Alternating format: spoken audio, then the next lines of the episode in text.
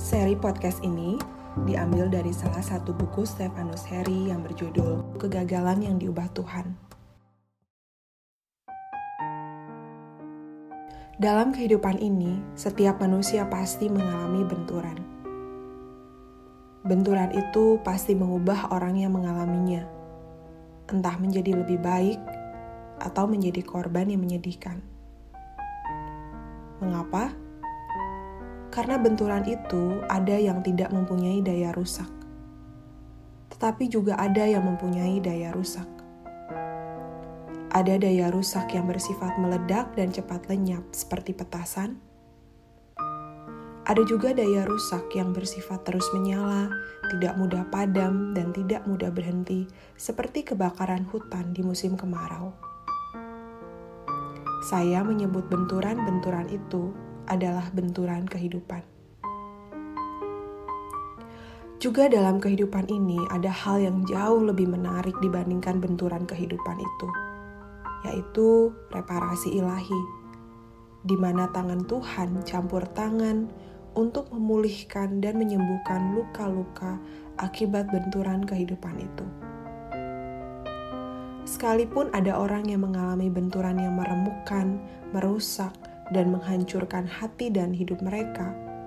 Namun kepingan hati mereka bisa dikumpulkan di antara puing-puing kehancuran, lalu disatukan kembali, sehingga mereka yang tadinya tidak berdaya, tidak mampu bangkit, secara perlahan dan secara bertahap, mereka mulai bisa menggerakkan sayap kehidupan mereka.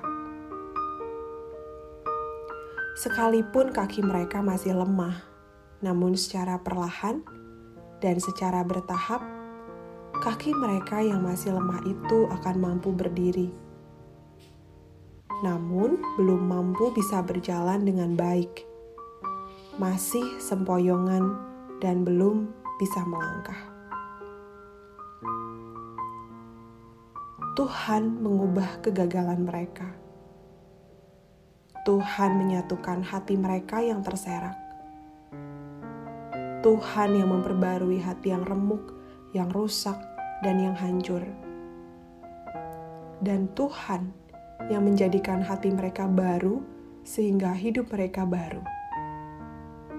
Itulah reparasi ilahi. Karena reparasi ilahi, kehidupan yang telah rusak, remuk, dan hancur dapat menjadi kehidupan yang baru Kehidupan yang baru itu memasuki lembaran baru. Dan kehidupan yang baru itu memperoleh kesempatan baru untuk menjalani kehidupan yang baru. Kehidupan yang baru itu berisi kekuatan untuk menyembuhkan hati banyak orang.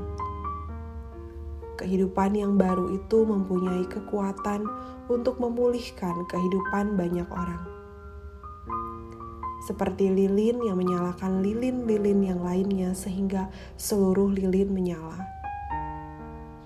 Saya melihat orang-orang yang mempunyai kehidupan baru karena hidup mereka mengalami reparasi ilahi. Tidak banyak orang yang mengalami reparasi ilahi. Buktinya, banyak orang mempunyai kehidupan yang mangkrak. Ciri yang paling menonjol dari mereka yang mengalami reparasi ilahi adalah kehidupan mereka yang mengandung jejak Tuhan. Apa artinya? Jejak di mana Tuhan bekerja di dalam orang-orang yang menyerahkan hati dan hidup mereka kepadanya. Jejak di mana Tuhan mengubah kegagalan mereka. Yang tadinya kegagalan itu membuat mereka tertunduk malu, karena reparasi ilahi yang mengubah hati mereka, membuat hati mereka mampu menyerap pelajaran-pelajaran yang tersimpan dari kegagalan itu. Yang tadinya kegagalan itu membuat mereka tak berdaya, karena reparasi ilahi yang mengubah hati mereka, membuat hati mereka berisi kekuatan untuk menyembuhkan dan memulihkan hati dan hidup banyak orang. Di tangan Tuhan tidak ada kegagalan yang sia-sia. Mengapa? Tuhan memakai kegagalan seseorang menjadi kekuatan untuk memulihkan hati dan hidup banyak orang. Dan Tuhan memakai kegagalan seseorang untuk mengubah banyak orang yang mengalami kegagalan dalam kehidupan mereka. Dan di tangan Tuhan tidak ada kegagalan yang fatal. Mengapa? Karena reparasinya itu merupakan cara untuk menjadikan orang yang lemah menjadi pahlawannya.